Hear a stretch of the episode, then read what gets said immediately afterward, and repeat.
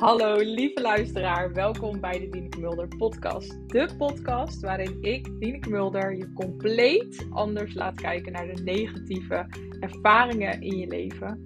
Hoe je hier positief naar kunt kijken en hoe je deze om kunt zetten in een persoonlijke transformatie. Enjoy the ride!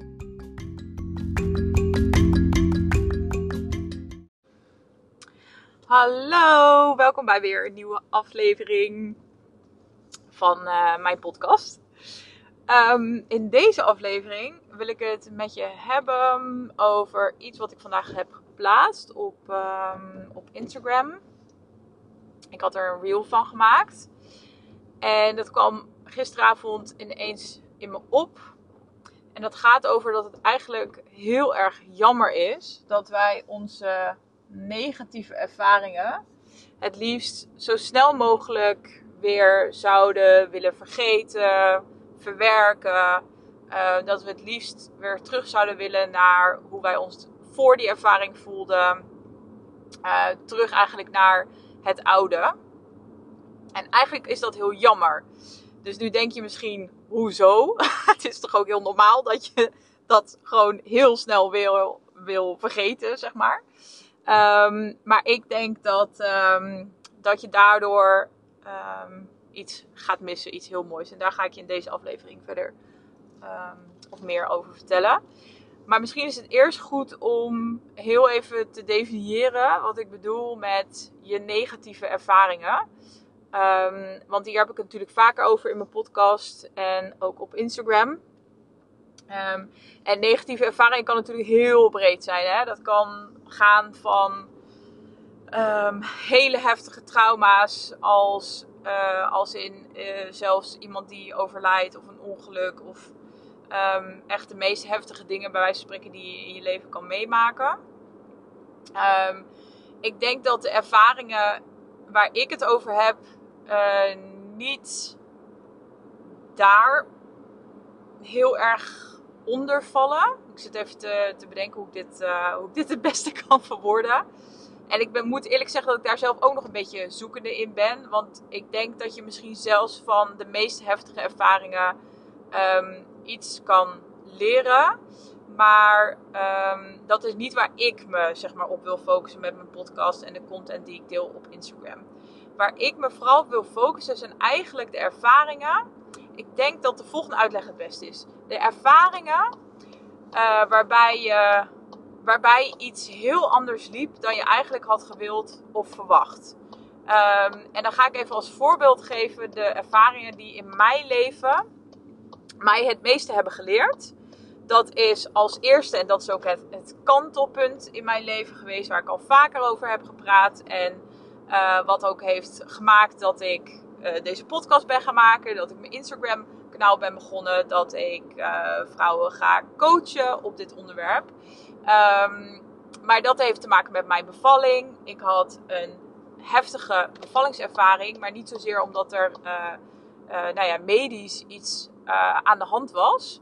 Maar vooral omdat het nou ja, totaal niet ging zoals ik had verwacht. Ik had helemaal geen gevoel van, um, van de regie. Um, mijn, mijn bevalling is eigenlijk dus daardoor heel erg gemedicaliseerd. Maar het is goed ook om daarbij te benoemen dat door dit. Ik, ik sprak het uit, toen dacht ik: oké, ik moet het even toelichten. Want uh, inmiddels, hoe ik hier naar kijk, is dat um, ik vind dat het niemands schuld is. Het is niet mijn, mijn schuld of de schuld van het zorgpersoneel of van wie dan ook dat het zo is gelopen.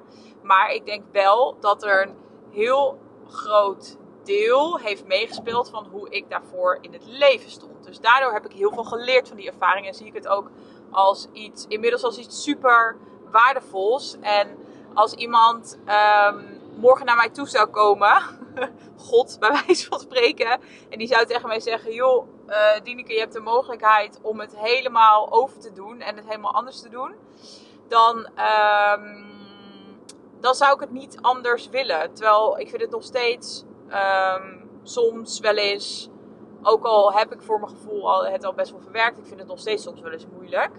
Um, en ja, ik had mezelf een andere ervaring gegund. Maar ik denk ook dat die ervaring op dat moment in mijn leven nodig is geweest om ehm, mij bepaalde inzichten te geven, lessen, waardoor ik patronen waar ik al heel lang vast zat heb uh, kunnen doorbreken en daardoor ook andere keuzes in mijn leven heb gemaakt. En eigenlijk vind ik daardoor het leven gewoon, nou ja, echt een stuk leuker. Niet dat ik het minder leuk vond daarvoor, um, maar inmiddels denk ik, wow, kan het leven ook zo zijn? Um, um, dus dat vind ik best wel bijzonder. Oh, het wordt weer een heel lang verhaal, lang verhaal dit. Maar goed, dat is het eerste voorbeeld van een negatieve ervaring. En het tweede voorbeeld wat ik wil geven is dat ik in 2013 een burn-out heb gehad. En er zijn heel veel vrouwen die uh, uh, in deze tijd uh, te maken krijgen met een burn-out of eh, misschien wel zware overspannenheid. En ook dat is denk ik een negatieve ervaring waar je heel veel, nou ja, waar je niet op zit te wachten. Waarvan je nou, eigenlijk niet had verwacht dat het zo zou lopen, zeg maar. Um, maar het, overkomt je toch. En ik denk ook dat dat een ervaring is waar je, waar je heel veel uit kan, uh, uit kan halen. En nou ja, zo zijn er nog denk ik wel meer voorbeelden. Maar misschien is het ook interessant. Dit zijn de voorbeelden die ik heel erg gebruik uit mijn leven. Uh, maar denk ook eens voor jezelf na van, oké, wat zijn nou voor jou dat soort type ervaringen? Uh, dus dat als eerste. Dus dit, dit is mijn, eigenlijk dat is mijn definitie van negatieve ervaring. En dat is waar ik mij vooral op focus. Uh, dus hier in mijn podcast en ook op Instagram. Dus dat, ehm, dat als eerste. Alright. Um, het onderwerp dus van deze aflevering is dat het dus eigenlijk heel jammer is dat wij die ervaring heel vaak zo snel mogelijk willen vergeten. Ja, misschien niet eens vergeten, want ik denk dat er tegenwoordig wel heel veel aandacht is voor de verwerking ervan. Dus het is denk ik vrij normaal tegenwoordig dat je met een coach gaat praten of dat je naar een psycholoog gaat. Kortom, dat je iets van hulp zoekt om die ervaring te gaan verwerken. Maar wat mijn waarheid is, uh, en dit is nogmaals, dit is mijn waarheid. Dus um, uh, dat even als, als disclaimer. Wat ik heel erg heb ervaren en wat ik ook heel erg zie en ook hoor in gesprekken met, uh, met vriendinnen en met andere vrouwen, is dat voor mijn gevoel um, we ons nu heel erg richten op gewoon zo snel mogelijk ons weer een beetje eigenlijk de oude voelen. En um, zo snel mogelijk eigenlijk die verwerking achter de rug hebben. Dus wat ik best wel veel voorbij zie komen, ook op Instagram zijn dan bijvoorbeeld therapeuten die, um, uh, die een traject aanbieden om bijvoorbeeld je, je negatieve bevalling of je traumatische bevalling te verwerken. Even als voorbeeld, hè. En dan staat er ook, um, nou eigenlijk bijna als een soort van, um, ja, om het, denk ik, om het beter te verkopen. Je kan er in vier sessies kan je, kan je, kan je er ja, niet ervan af zijn, maar ik moet even denken hoe dit dan beschreven wordt. Maar in vier sessies um, voelt het al heel, helemaal anders. En uh, kijk je heel anders naar die ervaring. En ik vind het best wel, best wel interessant. En ik zeg niet dat dat niet kan. Uh, maar ik vind het heel interessant dat we blijkbaar. Um, ja, dat dat blijkbaar iets is wat, wat, uh, wat wij vrouwen dus belangrijk vinden. Dus dat je heel snel um, zo, dat je heel snel of zo zo'n ervaring uh, verwerkt hebt. En uh, nou, heel veel uh, mensen bijvoorbeeld gaan dan ook EMDR doen. Heb ik ook gedaan. Daar ben ik ook super positief over. Maar het lijkt een beetje alsof, we, alsof het is alsof we iets van onze checklist hebben afgestreept. Dus ehm, nou, we hebben daar een paar, een paar, van die sessies gedaan om het te verwerken. We, we hebben EMDR gedaan om de scherpe randjes eraf te halen. Zodat we uh, want ik denk dat EMDR een super goede tool is. Maar het, het ligt er heel erg aan van hoe jij zeg maar, die tool voor jezelf gaat gebruiken. Want ik merk ook als, als mensen over EMDR praten dat het heel vaak gaat over: ik wil, ik wil die um, zware, uh, zeg je dat? Die zware emoties, die gevoelens, die wil ik eigenlijk. Um, ja, het liefst gewoon niet meer voelen. Wat ook heel logisch is. En dan wordt er gezegd, nou, met EMDR kan je dan de scherpe ja, zeg je dat? De, scherpe randjes of kantjes ervan afhalen. En ik vind dat heel interessant. En nogmaals, uh, dit is geen betoog zeg maar, tegen uh, sessies bij een therapeut of, of EMDR totaal niet. Want ik heb het zelf ook gedaan. Ik heb er heel veel aan gehad. Maar ik denk dat, ehm, dat het heel jammer is als we dat zien als. nou ja, dan hebben we dat traject afgerond en dan kunnen we zeg maar weer door met ons leven, als het ware. Ik denk dat ehm, dit soort tools, zeg maar, die je gebruikt voor je verwerking, super goed zijn. Maar dat dat eigenlijk pas het begin is. En ook wat ik bij mezelf heb gezien uh, en ook in gesprekken met andere vrouwen. Wat gewoon ontzettend waardevol is, is als je, um, nou ja, sowieso de eerste fase is denk ik de verwerking. En uh, van zo'n ervaring. En dat je, er, dat je er überhaupt mee aan de slag gaat. Dat je gaat kijken van oké, hoe waarom voel ik me zo en hoe ben ik zeg maar tot dit punt gekomen. Dat heb ik ook met mijn burn-out bijvoorbeeld gedaan. Toen ben ik ook met een psycholoog gaan praten en gaan uitzoeken van ja, waar, hoe ben ik nou hier gekomen als het ware. Maar ik denk dat het um, nog veel waardevoller is dat, dat je niet alleen met die verwerking mee, bezig gaat, maar dat je daarna, dus dat eigenlijk die verwerking het begin is en niet Um, niet het einde en dat we daarna gewoon weer verder kunnen gaan met ons leven. Um, want ik geloof heel erg dat als je bereid bent om echt, um, ja, het klinkt een beetje vaag, maar echt heel diep te gaan. En misschien moet ik dit even iets duidelijk uitleggen. Wat ik net heb opgeschreven, want ik maak altijd een beetje een lijstje voordat ik een aflevering opneem. Want uh, anders ga ik alle kanten op en ik probeer een beetje, een beetje structuur voor jou als luisteraar erin te houden. Um, maar wat ik opschreef is dat heel vaak hebben dit soort ervaringen zoveel impact op ons, omdat het niet zozeer gaat over wat er is gebeurd, maar het gaat vooral over hoe wij ons op dat moment uh, voelden. En ik heb wel eens eerder een aflevering opgenomen dat ik op een gegeven moment op zoek ben gegaan naar, ja, ik noem dat het thema van mijn bevallingservaring. Maar zo'n thema kan je natuurlijk op ieder andere ervaring. Dit thema kan ik ook op een burn-out loslaten, als het ware. Ook in die burn-out wel. Kijk, een bevalling is een ervaring die dan in mijn geval twee dagen duurde. Uh, maar een burn-out is meestal een veel langer proces. Nou, misschien klopt het niet helemaal trouwens wat ik zeg. Want een bevalling is twee dagen, maar die, hoe ik mij voelde, dat heeft veel langer geduurd. Dat heeft bijna een jaar geduurd en dat kwam allemaal voort eigenlijk uit, uit die bevalling. En dat is natuurlijk ook zo met een burn-out. Een, een burn-out is meestal niet een, een, soort van op zichzelf staande gebeurtenis, maar echt een langer proces waar je in zit en waar, waar, waar je, waarin je zeg maar op een bepaalde manier voelt. Maar als ik nu terugdenk aan mijn thema tijdens de bevalling en mijn thema tijdens de bevalling was dat ik me niet gezien en gehoord voelde. En dat thema kan ik nu ook heel duidelijk eigenlijk weer terug. Um, ja, hoe zeg dat, terugtrekken ook naar die, naar die burn-out. Terwijl die heb ik echt ver jaren daarvoor gehad. Maar het interessante is wat ik inmiddels heb ontdekt over mezelf. En dat, dat ging echt niet van de een op de andere dag. Maar um, dat thema, dus niet, je niet gezien en gehoord voelen, um, ging, ja, hoe zeg je dat? Resulteerde bij mij in, uh, in gedrag op dagelijkse basis.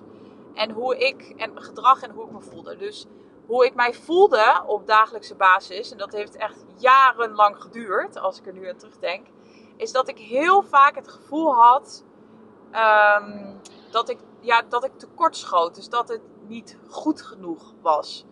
En dat was mijn gevoel. En vervolgens komt daaruit voortkomt gedrag natuurlijk. En mijn gedrag was vervolgens dat omdat ik heel vaak op heel veel vlakken in mijn leven dacht, dus in mijn werk, in, in relaties, uh, niet alleen met mijn partner, maar ook met vriendinnen en met familie, um, dat ik heel vaak dus het gevoel had, ik doe het niet goed genoeg. En uiteindelijk kan je die nog verder doortrekken. En denk ik uiteindelijk dat het heel erg gaat over um, het, mijn soort van oerthema, ik ben niet goed genoeg. Wat uh, denk ik heel veel vrouwen herkennen. Maar het gevoel wat ik nou ja, constant in mijn hoofd had, echt op dagelijkse basis, waar ik echt mee opstond en mee naar bed ging, bij wijze van spreken, was: ik doe het niet goed genoeg. En um, dan niet letterlijk die zin, maar dat ging dan heel erg over: oeh, ik heb net niet genoeg gedaan op werk vandaag. Ik had eigenlijk nog harder moeten werken. En ik denk dus achteraf ook dat dat uiteindelijk heeft geleid tot die burn-out. Want een burn-out gaat nooit, nogmaals, mijn waarheid, maar ik geloof dat een burn-out nooit gaat over dat jij te hard werkt. Ik denk dat een burn-out heel erg gaat over um, nou ja, hard werken, maar vooral, um, en dan bedoel ik niet zeg maar letterlijk hard werken, maar constant bezig zijn om je best te doen. Constant bezig zijn met hoe denken, hoe denken mijn collega's, hoe denkt mijn manager over mij. Um, hoe uh, presteer ik ten opzichte van die andere collega? Je op dingen focussen waar je eigenlijk geen energie voor krijgt, maar je hebt het gevoel dat je het moet doen, want anders kom je misschien niet verder in je, in je carrière of kan je een bepaalde stap niet maken. Um, eigenlijk op die manier. Dus je bent constant um, ja, dingen aan het, aan het doen, je best aan het doen.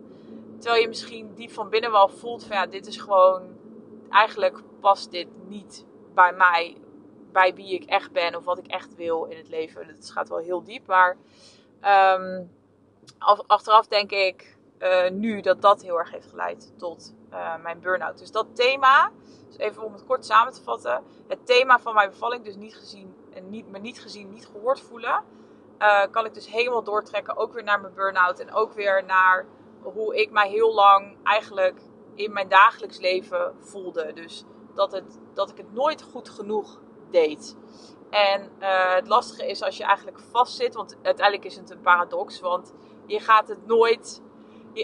De paradox is dat je nooit, uh, dat je nooit het gevoel gaat krijgen dat je het goed genoeg doet. Want um, wat je ook doet, het gaat gewoon nooit goed genoeg zijn. Um, dus dan gaat je bent eigenlijk een soort van, ik noem het altijd, je bent een hamster in een wiel. Dus je denkt dat je ergens naartoe rent, maar eigenlijk ben je gewoon in hetzelfde wieltje constant rondjes aan het rennen. En dat, dat put je gewoon ontzettend ongelooflijk uit. Ook als ik nu terugdenk, mijn leven vergelijk, hoe ik me nu voel versus hoe ik me jaren daarvoor, daarvoor voelde. En nogmaals, het was echt niet dat ik uh, ontzettend depressief was of dat ik het leven helemaal niet zou zitten. Helemaal niet. Maar um, ja, het is gewoon niet te vergelijken. Ik stond gewoon heel anders in het leven. En het, nu voelt het heel erg alsof ik echt een leven leidde eigenlijk op de automatische piloot. Terwijl nu voelt mijn leven, ja, als, nu denk ik, oké, zo kan het leven dus zijn. Gewoon, ja, ik doe het helemaal op mijn manier. Ik maak veel meer beslissingen vanuit mijn gevoel. Ik, ik voel, um, ik, ik voel veel meer. Dus um, zeg maar vrolijkheid, uh, uh, plezier, um, mooie emoties, maar ook wel ook andere kanten. Maar ik ben daar ook heel blij mee, zeg maar. Dus dat ik voor, me, voor, ja, dus voor mijn gevoel meer, meer voel. Dit klinkt een beetje vaag, maar ik hoop dat je me begrijpt. Um, even kijken hoor, want ik moet hem even gaan terugpakken. Ja, dus dit is het, dus het voorbeeld van hoe ik hiermee aan de slag gegaan ben in mijn eigen leven. En daarom denk ik dus ook dat het heel jammer is als je alleen maar je focust of eigenlijk blijft hangen of stopt bij de verwerkingsfase. Um, en het enige, en dat zei ik, dat zei ik ook in, de, in mijn post vandaag op Instagram. Het enige wat je daarvoor hoeft te doen is je moet bereid zijn. Dus als je zeg maar verder wilt dan die verwerkingsfase. En als je echt wil gaan kijken van oké, wat, wat kan ik hier uithalen? Het enige wat je daarvoor hoeft te doen, en dit klinkt heel makkelijk, maar dat is het natuurlijk niet. Maar het enige wat je daarvoor hoeft te doen, is dat je bereid moet zijn om 100% de verantwoordelijkheid te nemen voor je ervaring. En wat ik daarmee bedoel, is dat je dus ook gaat stoppen met jezelf de schuld geven. Want verantwoordelijkheid nemen is totaal iets anders dan schuld hebben of jezelf de schuld geven. Verantwoordelijkheid gaat echt over dat je bereid bent om gewoon naar alle shit te kijken die eronder zit. En dat je echt bereid bent om dieper te gaan dan slechts het verwerken van je emoties en de scherpe kantjes ervan af te halen. Maar dat je echt bereid bent om te kijken: oké, wat zit hier nou onder? En wat, wat speelde er zeg maar onbewust tijdens die ervaring? Dus wat ik net vertelde over mijn thema van mijn bevalling, dus niet gezien, niet gehoord voelen, dat is iets wat onbewust speelde. Daar was ik me op dat moment niet bewust van.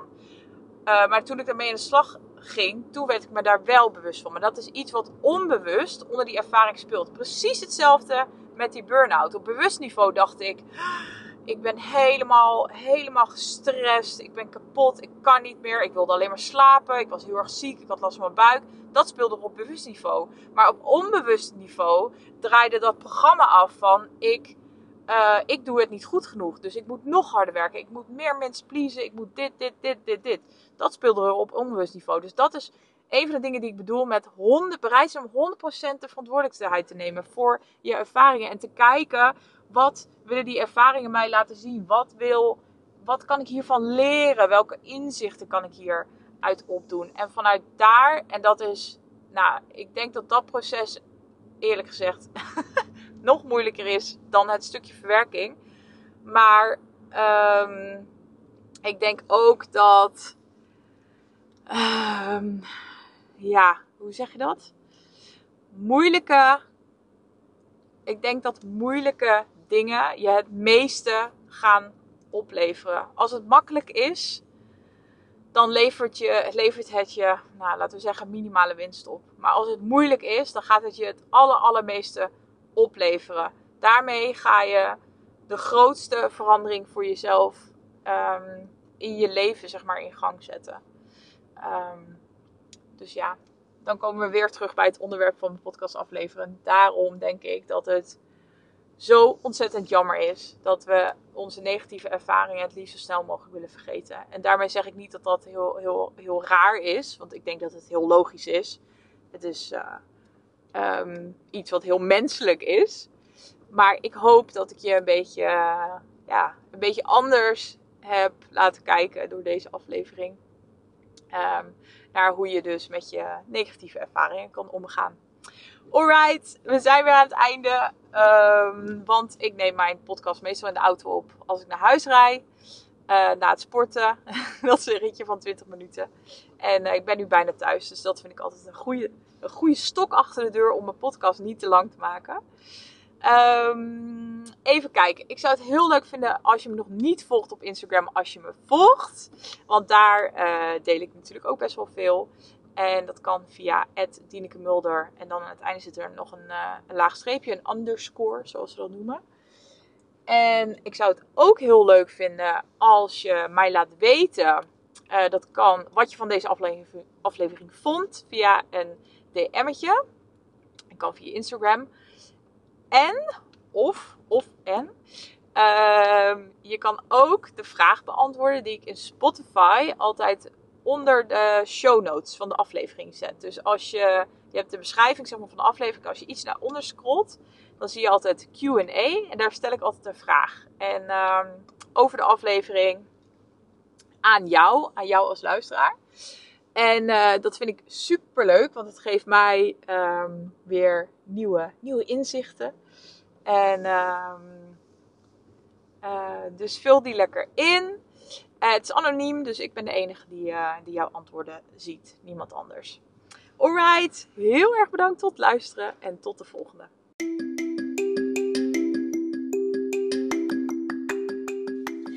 Ja, heel erg bedankt weer voor het luisteren. Als je dit een leuke aflevering vond en je vindt het leuk om naar mijn podcast te luisteren, zou je dan alsjeblieft willen abonneren op mijn podcast. Dat kan via Spotify. Als je naar de algemene pagina gaat van mijn podcast, zie je zeg maar onder mijn foto een, knop staan waar je me mee kan volgen. Je kan ook het belletje aanklikken. Dan krijg je een berichtje elke keer als er weer een nieuwe aflevering online staat. En daarna zou ik het super, super leuk vinden als je mij een 5 sterren review zou willen geven. Dat kan ook weer onder de foto. Je hoeft alleen maar op de sterretjes te klikken. Verder niks in te vullen. Dus zo gepiept. Daar zou ik heel blij mee zijn. Daarnaast heb ik ook een Instagram pagina. Je kan me volgen via Dineke Mulder. En aan het einde zit nog een underscore, een laag streepje. Ik hoop dat ik je daar zie. En tot de volgende.